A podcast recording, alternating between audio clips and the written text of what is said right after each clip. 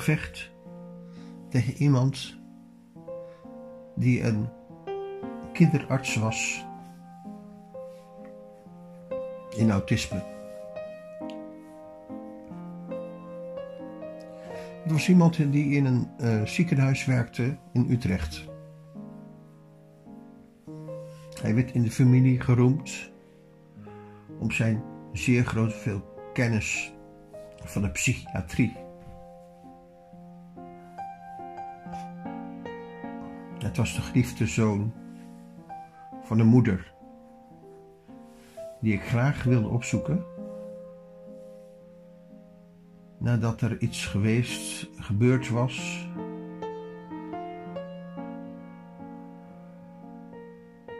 In mijn situatie.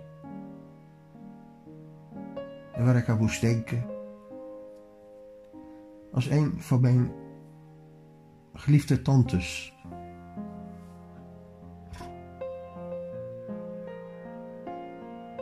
Ja, ging haar opzoeken. Helaas, ze was er niet. Maar wel haar man. Haar man was uh, erg aardig. Haar man was professor. Een uh, grote, chique familie. Met dus uh, allemaal kinderen. Veelal goede banen had gekregen. Ja, er was één, één jongetje bij. Eén zo. Daar was wat iets mee aan de hand geweest. Dat was eigenlijk een beetje het probleem van de familie. Omdat hij homo was. Dat was eigenlijk niet een goed image. In ieder geval, ik sprak die dag met de vader van een zoon die kinderarts was in autisme.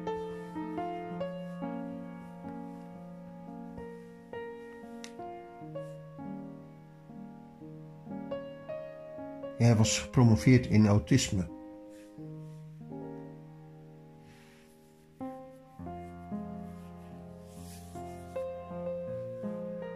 Maar wat maakt ik mee? Wat maakt het vooral op deze dag ja, ertoe dat ik aan autisme moet denken? 1 januari 2019.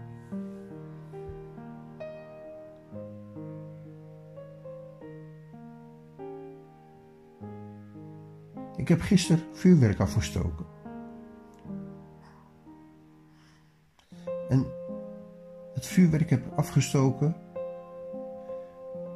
13 jaar geleden. Dus het was in 2000. Uh, 2004.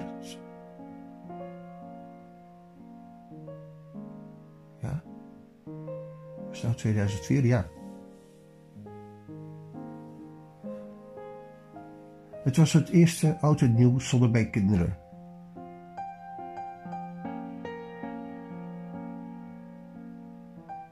En ik was uh, te werk gesteld bij een hele grote instelling voor gehandicapten.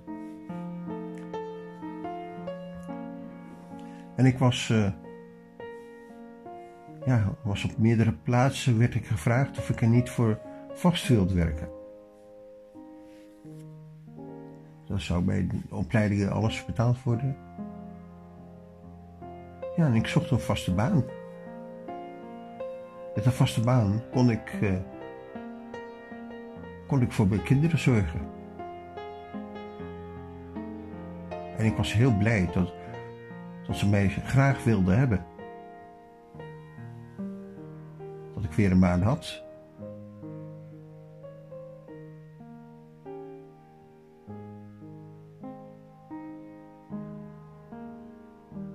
En zo kwam het dat, dat ik dus. Ja. Ik werd gevraagd om bij een huis te komen werken. Door een man die heel erg enthousiast over mij was. Die vond het heel fijn hoe ik met de kinderen omging.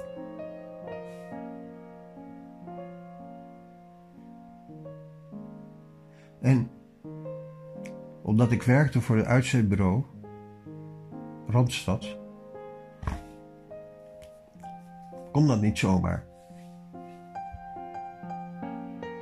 Nee, als ze mij wilden aannemen als, uh, als werk, uh, werker, dan moesten ze zoiets van uh, 1000 euro betalen bij aan te mogen nemen.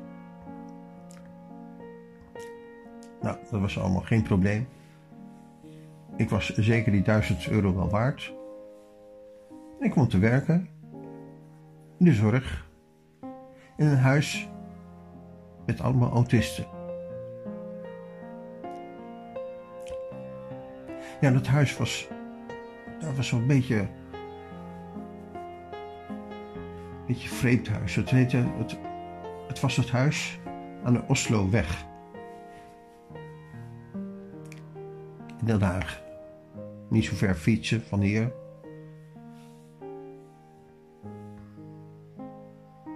Maar het was ook een speciaal huis met een verleden.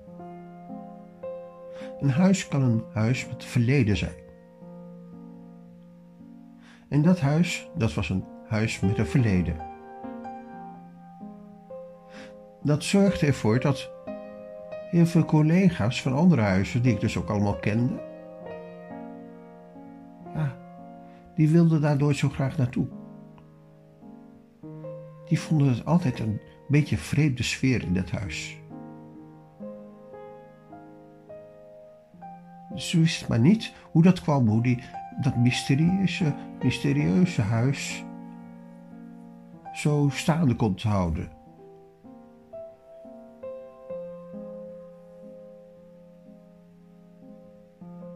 Ja, ik heb ook te maken gehad met alle mensen die voor zo'n hele grote instelling uh, dingen moesten veranderen. Want omdat er iets met het huis aan de hand was, had het een speciale aandacht. Het vroeg aandacht. Het had een aandachtstekort. Hé, waar, waar ken ik dat van? Ja, aandachtstekortstoornis natuurlijk. ADHD.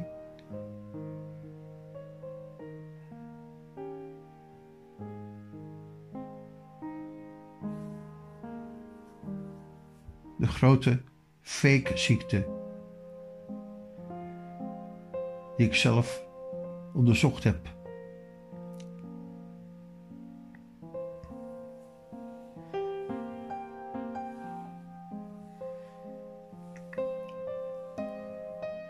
In ieder geval, ik heb heel veel geleerd van autisten. Van het beeld van een autist. Maar nog meer van de mensen met, die, met wie eh, die autisten hebben gewerkt de mensen die zogenaamd specialisten waren van autisten. Daar heb ik heel veel van geleerd.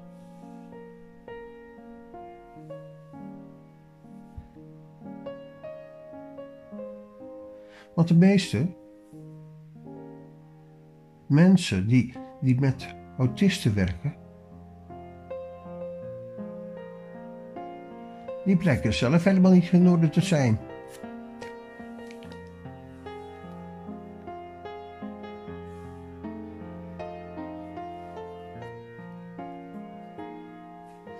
autisme kan zoveel herkenning veroorzaken.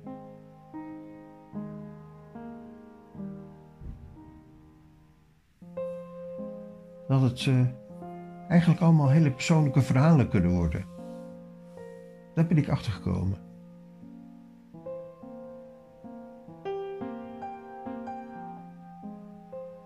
de mens is kwetsbaar.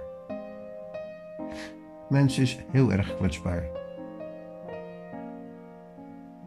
En helemaal de mensen die werken met autisten, die zijn heel erg kwetsbaar. Zo bleek mij althans.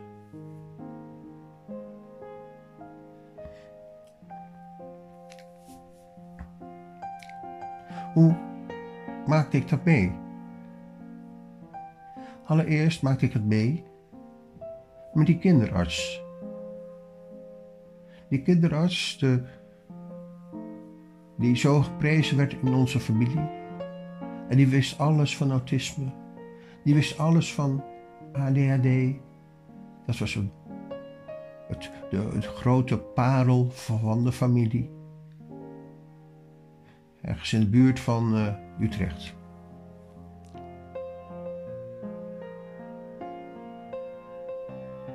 En ik had zijn moeder ontmoet.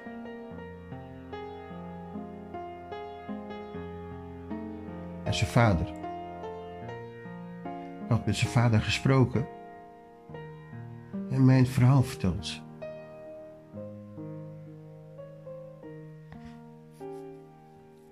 Kort daarop heeft ook een tante gereageerd, dus de vrouw van die professor en die moeder van die kinderarts.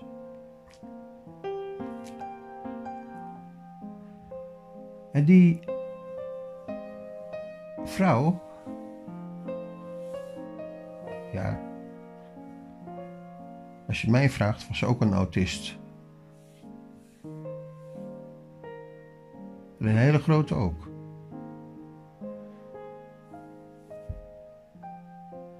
Zij was met mijn, mijn vrouw naar haar, naar uh, haar zoon gegaan. En die zoon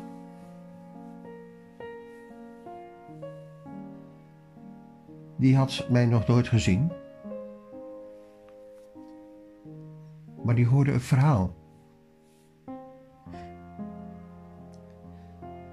En aan de hand van dat verhaal, wat de moeder de zoon beide eigenlijk helemaal niet kenden, want ik had het met, met de man, de vader en de echtgenoot gesproken.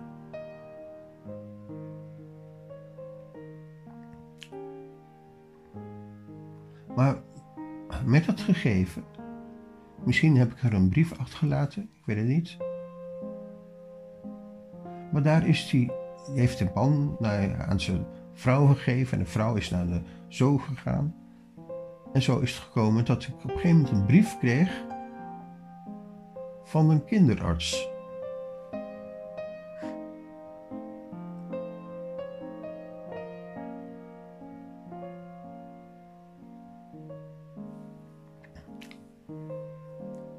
Nou, die kinderarts, dat was. Uh,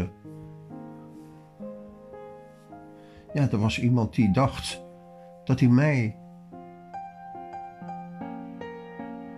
kon vertellen van wat ik had, terwijl hij me nog nooit gezien had. Nou, daar ben ik heel, heel erg boos op geweest.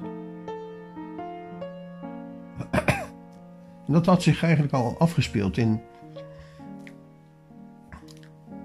de periode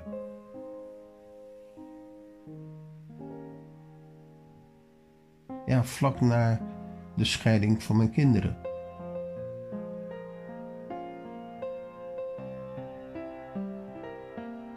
In die periode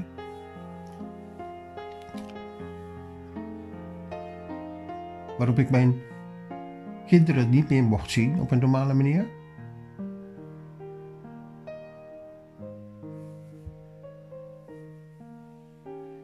Is het voorgekomen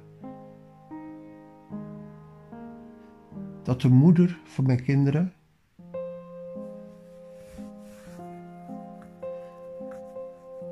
graag naar haar neef wilde luisteren. Die neef die zo, zonder iemand ooit gezien te hebben, een diagnose had willen schrijven.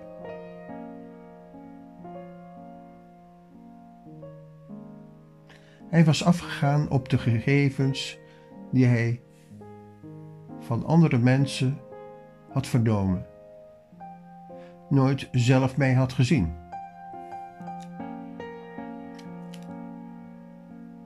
Maar hij schreef mij in een brief mijn, de, de, de, de, hij gaf mij eigenlijk een recept wat ik moest doen.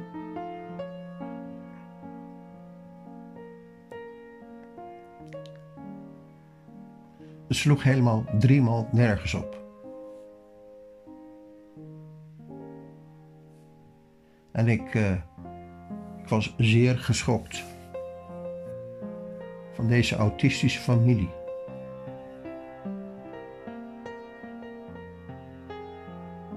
Mensen die met autisme werken, maar die het zelf ook helemaal niet weten.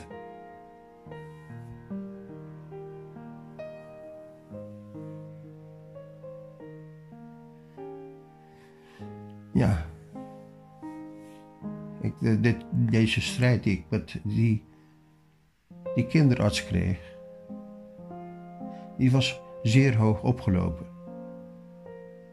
Ik vind dat zo'n grote lul dat hij het lef had gehad om zo'n briefje aan mij te sturen. Nou, dat kon niet. Dat sloeg voor mij alles.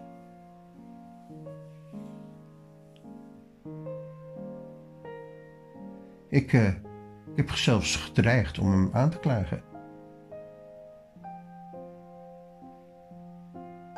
Als zo iemand mij een, uh, uh, een briefje stuurt waarin hij mij iets voorschrijft, wat ik via via dan op mijn bord krijg, dat kan niet. Sloeg alle grenzen voorbij.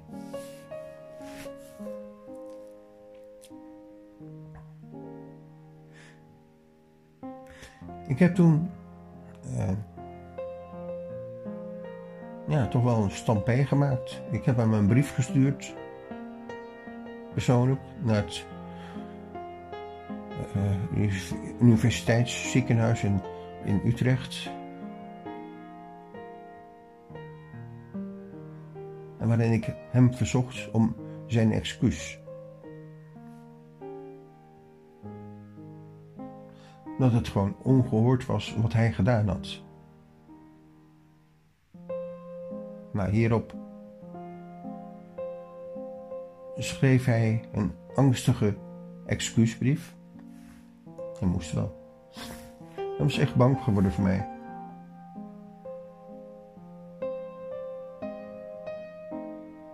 Maar hij heeft, naar mijn grote vermoeden, nog iets meer gedaan. Hij had natuurlijk ondertussen te horen gekregen dat ik in een huis met autisten werkte.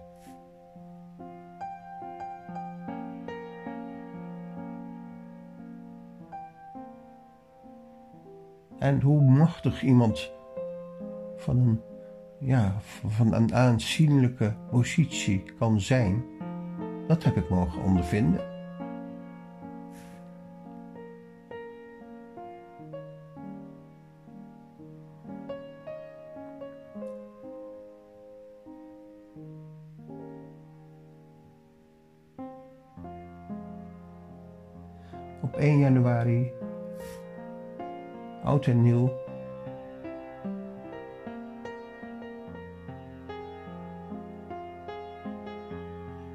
Samen met, leuke collega's.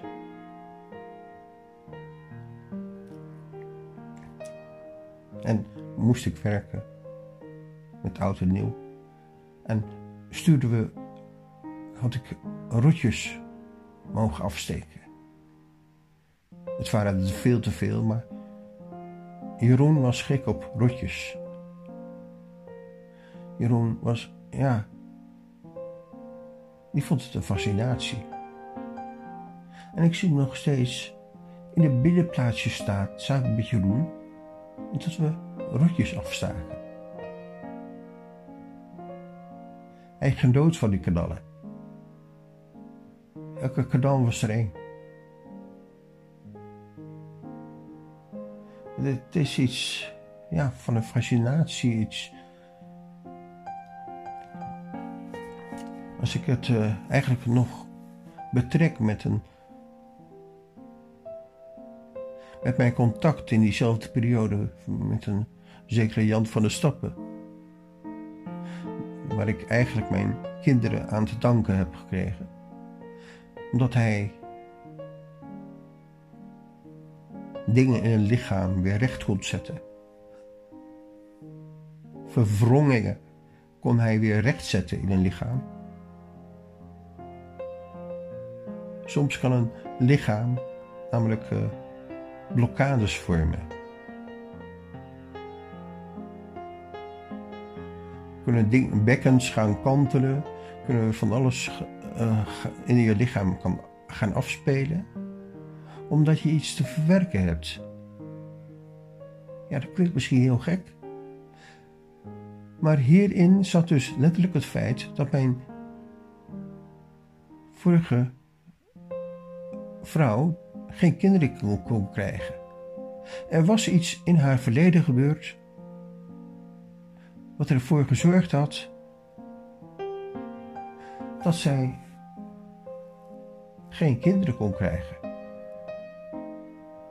En de enige manier was uh, om eigenlijk aandacht te geven aan het lichaam.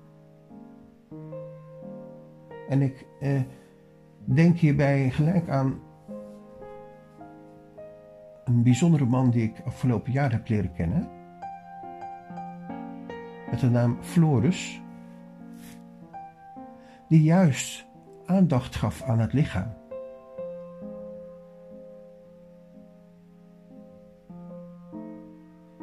Ik had een tekening gemaakt over een lichaam. Het lichaam staat aan de buitenkant. Daar was je het helemaal niet mee eens. Lichaam was juist het meest belangrijke. Hoe, hoe kon ik dat doen? Hoe, hoe kon ik zo'n tekeningetje gaan verdedigen waar het lichaam aan de buitenkant stond? Nee, het, het lichaam was het centrale punt. We hadden een klein meningsverschil.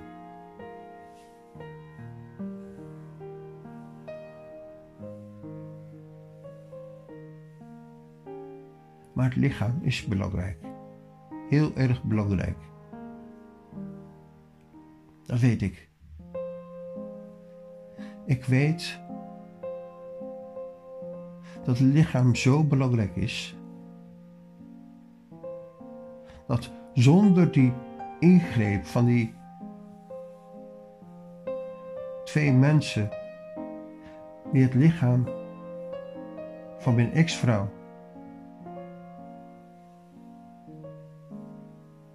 konden uh, aanpakken,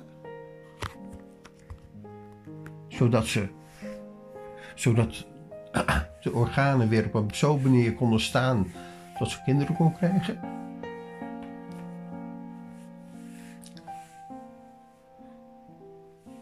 Ja. Dat is toch natuurlijk een bewijs. Een bewijs dat ik kinderen heb, zelfs. Is het bewijs dat het lichaam wel heel erg belangrijk is. Ik wil deze opname ook zeker daarom laten, uh, laten horen aan Floris,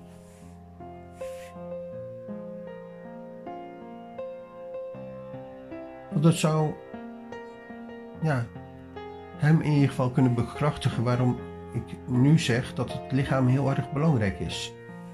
Dat ik daar zelfs mijn kinderen aan te danken heb. Dat, dat, door een menselijke ingreep het mogelijk is geweest om dat lichaam weer vrij te maken. Zonder een ingreep in dat lichaam had ik geen kinderen gehad. Zo, zo, dat, zo kan ik dat gewoon stellen.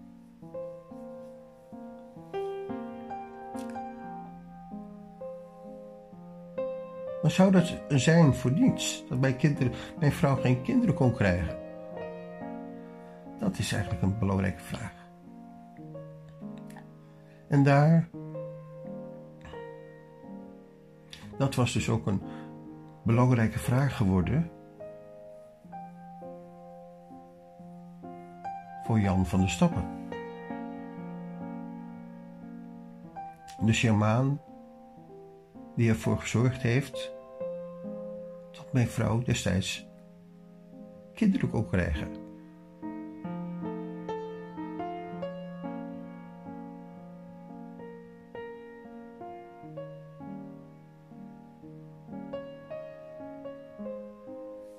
Jan was eigenlijk heel erg, heel erg bezig met, met de waarde van leven.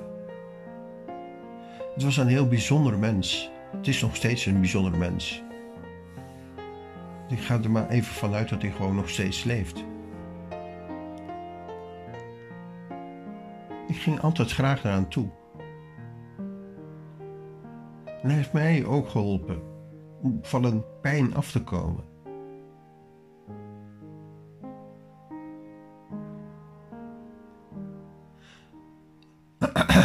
hij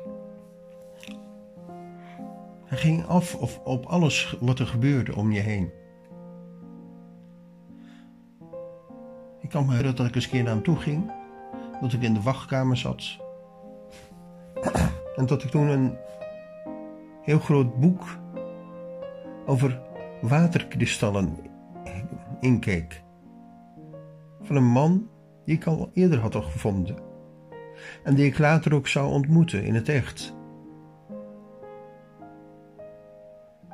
Masuro Emoto, de grote dokter.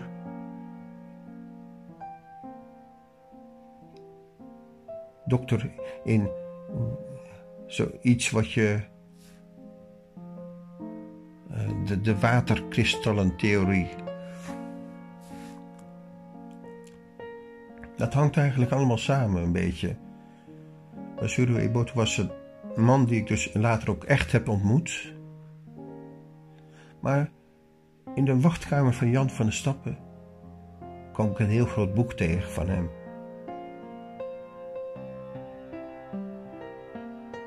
En ja, nog meer heb ik uh, ervaren. Ja, er zijn te veel verhalen eigenlijk in mijn hoofd. En ik moet even een onderscheid maken van wat echt belangrijk is nu. Echt belangrijk vind ik het gegeven van die Masuro Emoto natuurlijk. Maar het meest belangrijke vind ik mijn laatste gesprek met Jan van der Stappen, die ik heb gehad.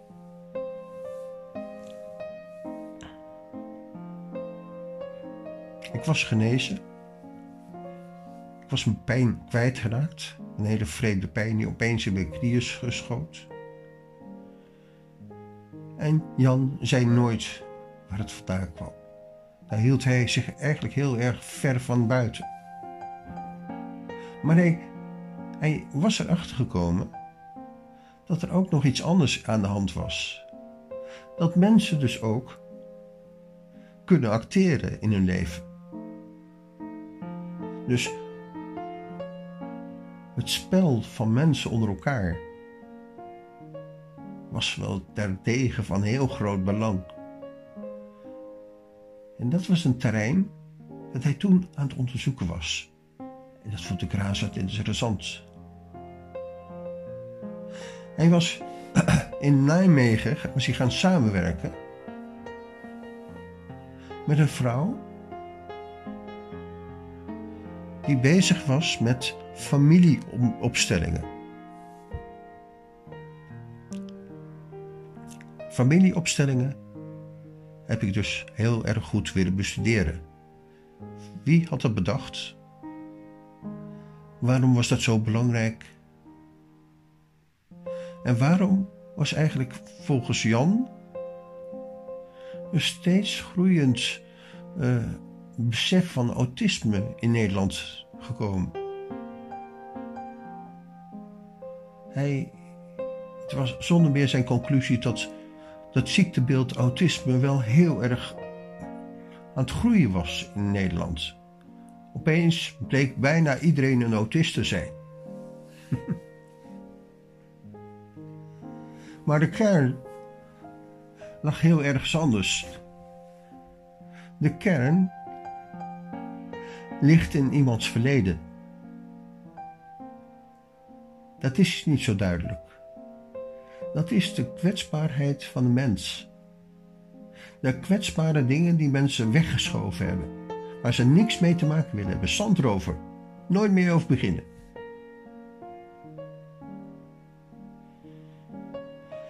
En daar ben ik het dwars doorheen gegaan. En daarom heb ik een vreselijke strijd moeten gaan.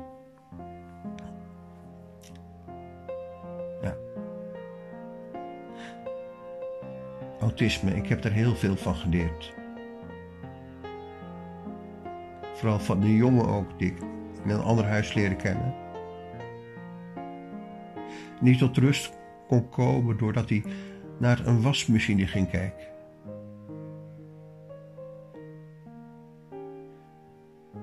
Gewoon tot rust komen door te gaan kijken naar een wasmachine.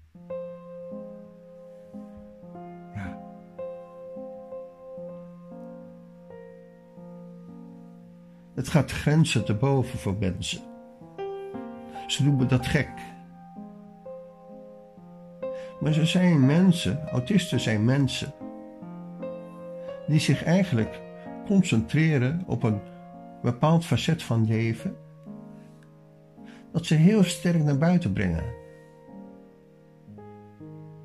Dat doen ze door, door, door agressie, maar dat kunnen ze ook doen door gewoon ja, iets te gaan doen waarvan anderen zeggen: Oh, je bent gek. Juist bij autisme krijg je het gegeven dat ja, dat mensen het eigenlijk helemaal niet weten. Dat al die therapeuten het niet weten. Dat al die zogenaamde psychiaters het totaal niet weten. Dat ze eigenlijk maar wat doen. Vaak is dit het geval. En dat heb ik zelf mogen ervaren als ervaringsdeskundige, als therapeut, als iemand die zeer geïnteresseerd is geweest in psychologie en analyseverhalen en die eigenlijk de onderzoeker Bert Hellinger uit Duitsland als een hele bijzondere ja, voorbeeld ziet. Zijn levensverhaal is fantastisch. Het heeft mij zoveel waarde gegeven. En ook dat hij eigenlijk, eigenlijk God in zich heeft. Daar ben ik van overtuigd. En daardoor doordat hij God in zich heeft, zijn er ook heel veel mensen die hem hebben veroordeeld. Want daar is nog steeds een klink, kink tussen in de kabel. Tussen mensen die geloven in God, in werkelijke liefde, en mensen die geloven in Satan. En dat is dus het voorbeeld dat ik aan Floris had voorgegeven. Je kunt je richten tot het heilige, de heilige geest. Of je kunt je lichaam, je, je richten tot het lichaam. Maar dan de lichaam als de mens die het niet weet. Eigenlijk de mens die aan het zoeken is. Die hopeloos aan het zoeken is. Die, die, ja, die misschien wel hoer is geworden of uh, prostituee of uh, ja, ver, verkracht is geworden door wie dan ook. Ja. Ja, hier zit eigenlijk een antwoord voor heel veel mensen. Ik hoop dat dit een goede tape wordt voor, voor jou. Dat jij er iets aan hebt. Oké. Dit is 1 januari. 1 januari 2019. In Rijswijk. Nog vroeg in de ochtend. 6 uur. 9 over 6. En het is een tape geworden van uh, 36 minuten. Oké, tot zover.